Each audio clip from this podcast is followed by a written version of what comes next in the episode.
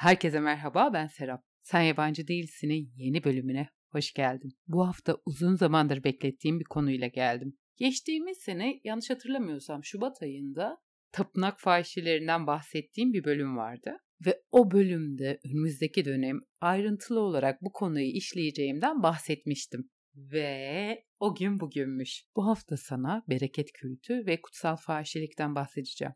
Kutsallığın ve fahişeliğin aynı cümle içerisinde kullanılmış olmasının seni şaşırtmış olacağını tahmin edebiliyorum ki ben de ilk duyduğumda aynı şaşkınlığı yaşamıştım. Ama tarihin tozlu sayfalarında böyle gerçekler var. Kutsal fahişelik kavramı ilk olarak Sümerlilerin savaş, aşk ve bereket tanrıçası olan İnanna sayesinde ortaya çıkıyor. Bu arada şunu hatırlatmakta fayda var. Sümerliler tarım ve hayvancılıkla geçiniyorlar. O senenin verimli geçmesi yani hem hayvancılık hem de tarım anlamında verimli geçmesi çok önemli. Tarih öncesi dönemlerde hatta paganik inancın yaygın olarak kabul gördüğü dönemler demek daha doğru olur sanırım. Bizden farklı olarak doğayla insanın bir olduğunu düşünüyorlar. Yani bizim gibi ayrıştırmamışlar doğanın üretken ve verimli olmasıyla cinselliğin aynı şey olduğuna inanıyorlar. Çünkü tohum ekmek ve insanın çoğalmasını bir görüyorlar. Bu nedenle göğün tanrıçası olan inanla aynı zamanda bereket, aşk ve cinselliğin tanrıçası. Dönemde tapınak fahişeleri dışında fahişelik kurumu yok mu dersen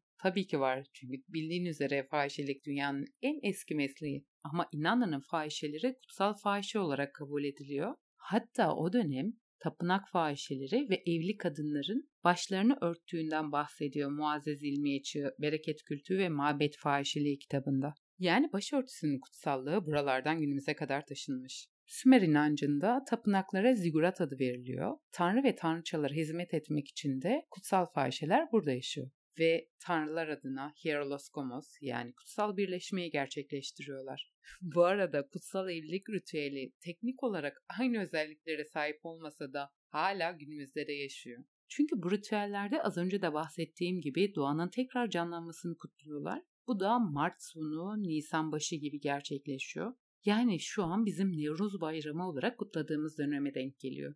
Tabii bu gelenek günümüze gelene kadar sadece ateşin üstünden atlamak ve dilek tutmaya dönüşmüş. Bu arada tapınak fahişeleri de 6 ay yerin altında yaşayan kral yani kış gelince yerin altına giren kral yerin üstüne çıkması ve kraliçe İnanna ile birleşmesini gerçekleştiriyorlar bu ritüelle. Bu yönüyle Persefone ve Demeter mitine de çok benziyor. Aslında bu ritüeli bir çeşit yeni yıl kutlaması gibi düşünebilirsin. Bu arada Kraliçe İnanna'nın yerin altına inmesinin de çok ilginç bir miti var.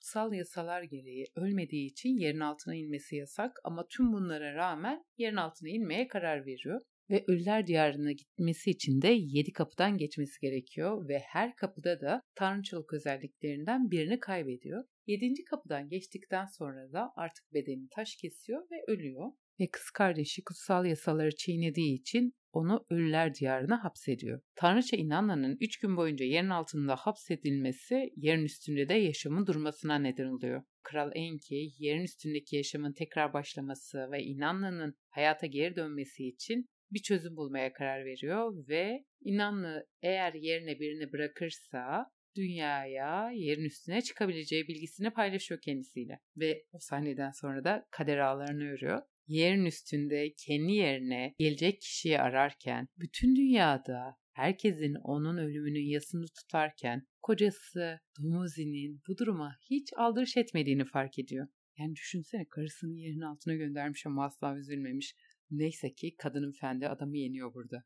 Yani Kral Dumuzi'yi hak ettiği yere ölüler diyarına gönderiyor. Bereket kardeşi araya giriyor. Yani Dumuzi'nin kardeşi araya giriyor ve 6 ay yerin üstünde, 6 ayda yerin altında yaşamasına izin veriyor. Kral Dumuzi'nin yerin üstüne çıkması ve İnanla'yla yeniden cinsel ilişkiye girerek toprağı ve hayata bereketlendirmesi de törenlerle kutlanıyor. Bu arada kutsal fahişelerin tek görevi kralla birleşmek değil. Aynı zamanda genç erkeklere cinselliği öğretmek gibi ulvi bir görevleri de var. Yani aslında tamamen kamu yararına yapılmış bir çalışma. Keşke günümüzde de olsa böyle bir kurum. Ve bunun ne kadar kıymetli olduğunu şimdi anlatacağım olay sayesinde daha iyi anlayacaksın. Gılgamış destanında Enkudu'nun yanına bir tapınak fahişesi gönderiliyor. Enkudu tapınak fahişesi öncesinde çok vahşi, hayvanlarla yaşayan ve ehlileşmeyen biri. Yani bu duyduklarım bana çok da yabancı gelmedi. Neyse ki tapınak fahişesiyle 7 gün geçirdikten sonra artık hayvanlar onunla ilişki kurmuyor ve Enkudu da medenileşiyor. Buradan da anlaşılacağı üzere kadınlığımızla barışmamız sadece kendimiz için değil medeniyet için de çok kıymetli. Tabi bu kadar güçlü bir gelenek ve kültür başka coğrafyalarda da yaşamaya devam ediyor. Sadece Sümerler'de yaşayıp sonra gaz ve toz bulutuna dönüştüğünü düşünürsek yanılacağımızı sen de tahmin edebilirsin. Kendisi Semetik toplumlarda İştar, Fenikelilerde Aster, Antik Yunan'da Afrodit ve Roma'da Venüs olarak yaşamaya devam ediyor. Hatta Hititlerden günümüze kalan inandık vazoların üstünde bu kutsal birleşme ritüelinin ayrıntılarını görebiliyoruz. Yahudilik inancında da Aster adıyla Tevrat'a giriyor. Ama din toplum tarafından benimsenince halkı geleneklerden uzaklaştırabilmek için tapınak fahişelerine Babil fahişesi diyerek aşağılıyorlar. Tek tanrılı dinlerle birlikte paganik kültürden büyük oranda uzaklaştığımız için bu geleneklerin sadece bazı izleri hayatımızda kalmış. Mesela gelin odası süsleme geleneği bu sayede kutsal evlilik ritüeli teknik olarak aynı olmasa da günümüze de taşınmış. Ayrıca mezarlıklara selva ağacının dikilmesi, Noel ağacı geleneği, domuz etinin yenmemesi Sümerlerden kalma bir gelenek. Ama kadının kutsallığı ataerkil kültürün baskıcı yönü yüzünden büyük oranda yok edilmiş. Bu yüzden de bu topraklarda hala etkisi devam eden bu geleneğin yani kadının kutsal olma, aynı zamanda cinselliğini kabul etme ayrıcalığını tekrar canlandırmak gerektiğini düşünüyorum. Sen ne dersin? Şimdilik hoşça kal.